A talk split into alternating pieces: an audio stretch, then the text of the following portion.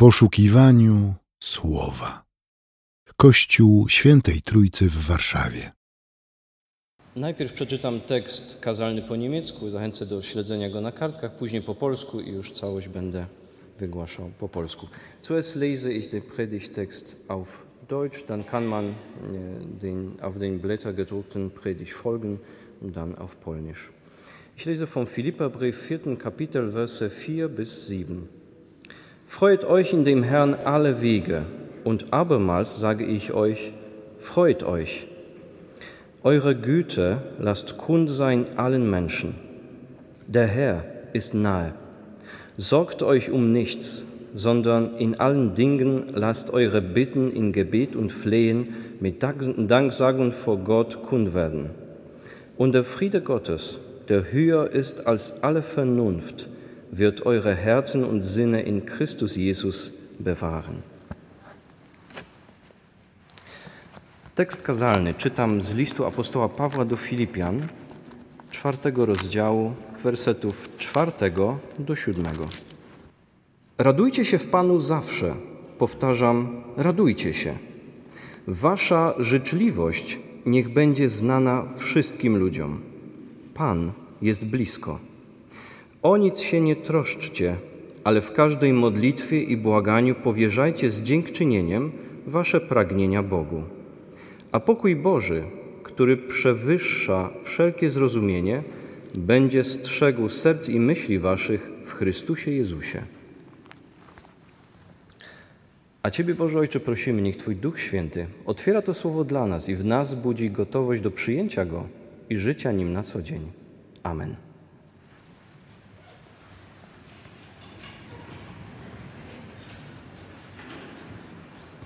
Mhm.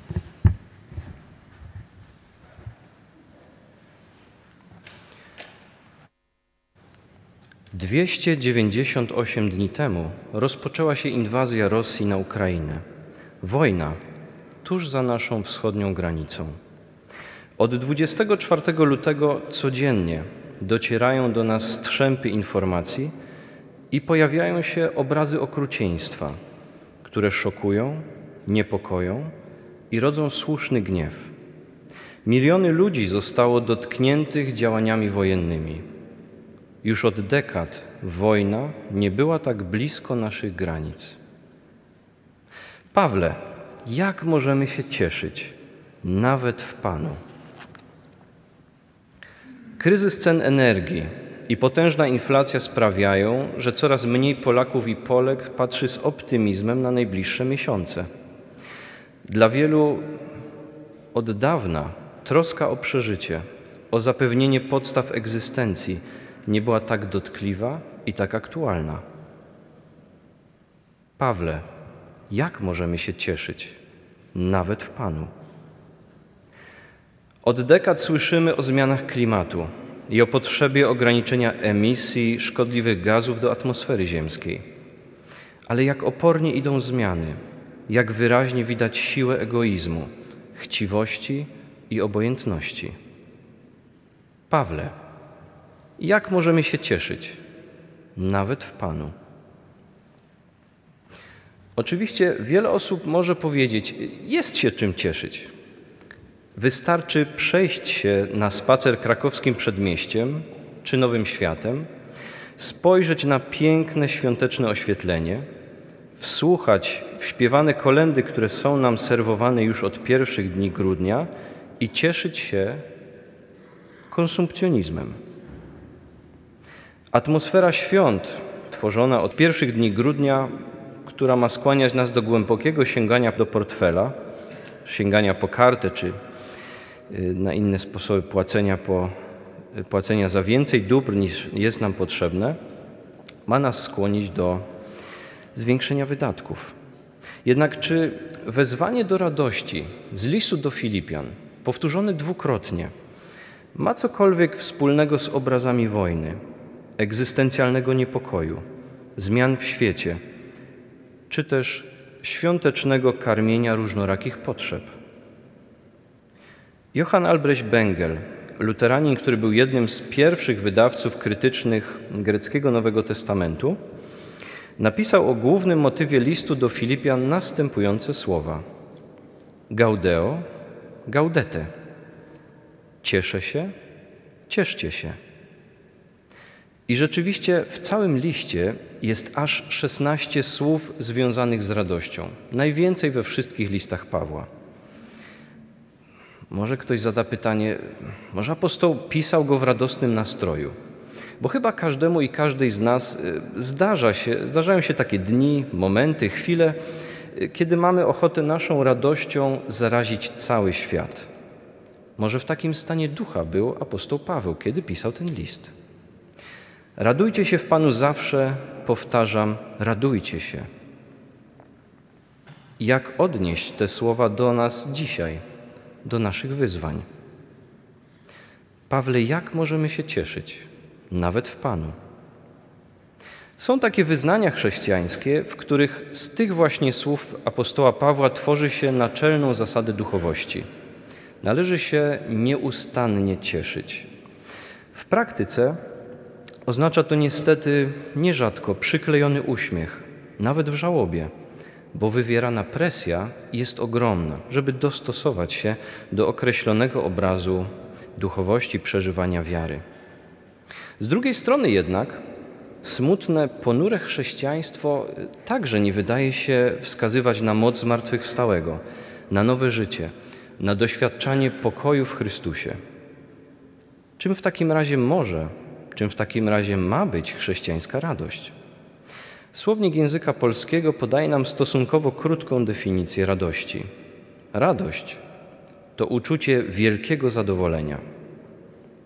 Intrygujące.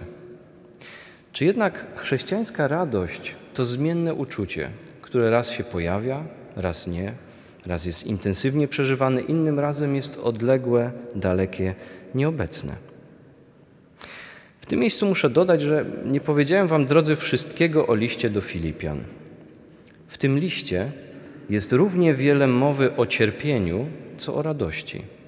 Pojawia się i cierpienie, i radość równocześnie. Apostoł pisze go z więzienia, nie karceru ciemnego lochu, ale z aresztu domowego i z niepewnością, jak wypadnie wyrok w procesie, w którym jest oskarżonym. Mierzy się z perspektywą śmierci i wzywa do radości. Osobiście bardzo lubię ten list, dokładnie to połączenie cierpienia, doświadczenia słabości, majączącego cienia śmierci z radością, z przesłaniem Ewangelii, bo jest to tak bliskie życiu, że te dwie wielkości współistnieją, współwystępują. Wiara nie chroni przed cierpieniem, przed trudnościami i niepowodzeniami. Jednocześnie daje siłę do zupełnie innego przechodzenia przez te właśnie trudności, wyzwania i niepowodzenia. Każdy i każda z nas ma swój udział zarówno w tym, co trudne w życiu, jak i w tym, co rodzi apetyt na dobre jutro. Apostoł Paweł w liście do Filipian wskazuje na pewną tajemnicę, która jest źródłem radości dla człowieka wierzącego. Pan jest blisko. Możliwe, że te słowa w Adwencie nie robią na nas wrażenia. Słyszeliśmy je wielokrotnie, tyle razy wybrzmiały. Ale w liście do Filipian wskazują na coś znacznie więcej. To w tym liście apostoł, zastanawiając się nad tym, jaki może być jego kres, mierząc się z perspektywą śmierci, pisze: Dla mnie bowiem życie to Chrystus, a śmierć to, to zysk. Dla mnie bowiem życie to Chrystus, a śmierć to zysk. Chrystus dla Pawła był życiem. Dla apostoła Pawła wiara to nie była tylko deklaracja światopoglądu, to było zaufanie, które wyrywa człowieka z objęć śmierci, prowadzi przez śmierć dla grzechu do życia zmartwychwstaniem, do życia z Chrystusem i w Chrystusie już tu, już teraz. W liście do Galacjan Paweł napisał słowa, które są jeszcze mocniejsze – z Chrystusem zostałem przybity do krzyża i już nie ja żyję, lecz żyje we mnie Chrystus. To zaś, co teraz przeżywam w ciele, przeżywam w wierze w Syna Bożego, który mnie umiłował i wydał za mnie samego siebie. Dla Pawła wiara nie była tylko wiedzą, wyznaniem wiary. Wiara była zaufaniem Chrystusowi. Pan jest blisko oznacza także jest blisko Ciebie. Wiara może i ma przelewać się na wszystkie obszary życia, obejmować myślenie, emocje i działanie, docierać tam, gdzie potrzeba łaski i odkupienia. We wstępie do listu Paweł używa określenia, które do dziś gorszy pobożnych tłumaczy. Nazywa siebie w języku greckim doulos Christi, co oznacza niewolnik Chrystusa. W większości tłumaczeń napotkamy na sługę, bo niewolnik wydaje się w większości tłumaczy niestosowny. A tak nazywa siebie autor listu do Filipi, miasta nazywanego Małym Rzymem, rzymskiej kolonii, gdzie status i zaszczyty ceniono bardzo wysoko. Nazywa siebie niewolnikiem, tym, który jest czyjąś własnością. Dla apostoła człowiek mógł być albo pod władzą śmierci i grzechu, albo Chrystusa, do niego należeć i w nim mieć wolność, pokój z Bogiem, życie, które sięga poza śmierć. Taka perspektywa zmienia radykalnie obraz codzienności.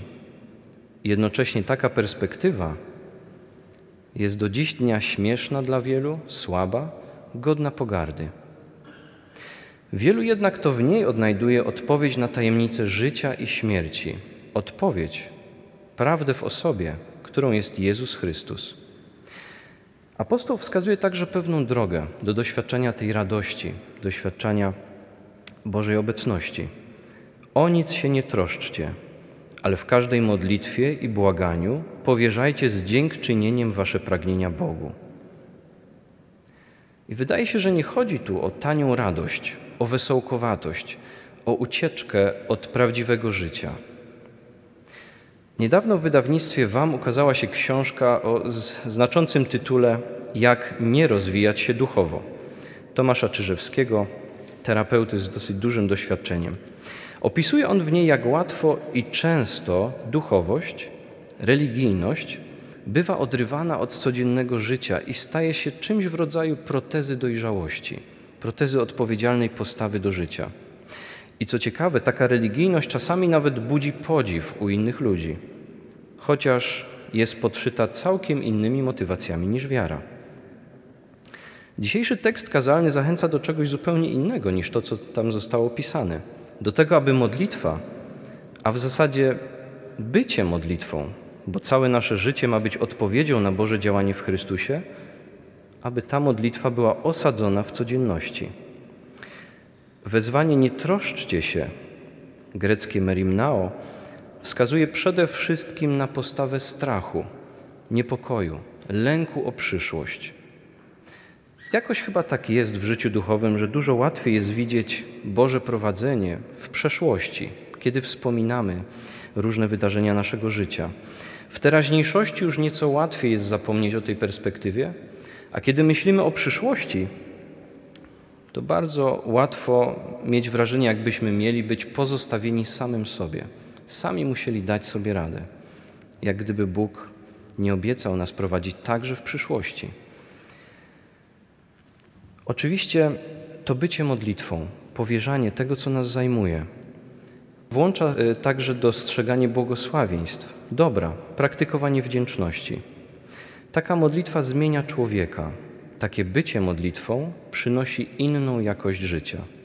Nie rozwiązuje problemów, ale pozwala zupełnie inaczej przez nie przejść. Pawle, jak możemy się cieszyć w Panu? Czym ostatecznie jest ta radość? To głęboka zmiana w nas, w naszym spojrzeniu na świat, na to, co najistotniejsze i najważniejsze. To pokój Boży, pokój z Bogiem, tajemnicą świata, tajemnicą życia i śmierci, która przekracza nas całkowicie, a jednocześnie staje się obecna w małym dziecku dla nas. Ten pokój jest niezależny od naszego nastroju, od sytuacji życiowej, od realiów świata, w których przychodzi nam żyć. Chrystus go przyniósł, ustanowił, zostawił nam swoje obietnice. I jest obecny teraz, wśród nas, kiedy słuchamy Ewangelii, kiedy będziemy mieć przywilej spowiadania się przed Bogiem, kiedy będziemy mogli uczestniczyć w wieczerzy pańskiej. Chrystus stał się jednym z nas, aby nas przemieniać i przemienić. Powracanie do słów obietnicy, słów pisma, e, powierzając Bogu w modlitwie to, co nas zajmuje, to droga do tego, aby być w tym procesie przemiany, która zapoczątkowuje przyjście Chrystusa. A naszą drogą jest trzymanie się obietnic i nieustanne trwanie w modlitwie, w rozmowie z Bogiem. Dzisiejszy tekst Ewangelii to bardzo ciekawy obraz Marii, która dowiaduje się o Bożym działaniu w jej życiu. Działaniu, które wykraczało poza pobożne schematy tamtych czasów. Dziewczyna zachodzi w ciążę i to nie z narzeczonym. To wielokrotnie pojawia się w Ewangeliach, że działanie Boga zaskakiwało. Wydawało się nie pasować do wielu wyobrażeń. Adwent to otwartość na działanie Boga w naszym życiu, który może je wywrócić do góry nogami. I oby tak się działo, bo przecież sprzątamy domy, stroimy, stroimy je, przygotowujemy na czas świąteczny. To może także jest to dobry czas na duchowe sprzątanie, duchowy porządek, przewartościowanie tego, co jest dla nas najistotniejsze, z jakiej perspektywy patrzymy na codzienność, z jakiej perspektywy patrzymy na jutro, na nasze troski wyzwania. Pawle, jak możemy się cieszyć w Panu? Radujcie się w Panu zawsze, powtarzam, radujcie się. Wasza życzliwość niech będzie znana wszystkim ludziom. Pan jest blisko. O nic się nie troszczcie, ale w każdej modlitwie i błaganiu powierzajcie z dziękczynieniem wasze pragnienia Bogu.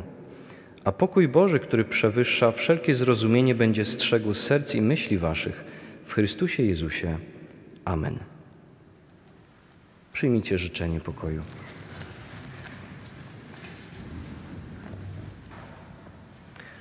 A pokój Boży, który przewyższa wszelki rozum, niech strzeże naszych serc i myśli w Jezusie Chrystusie, Panu naszym.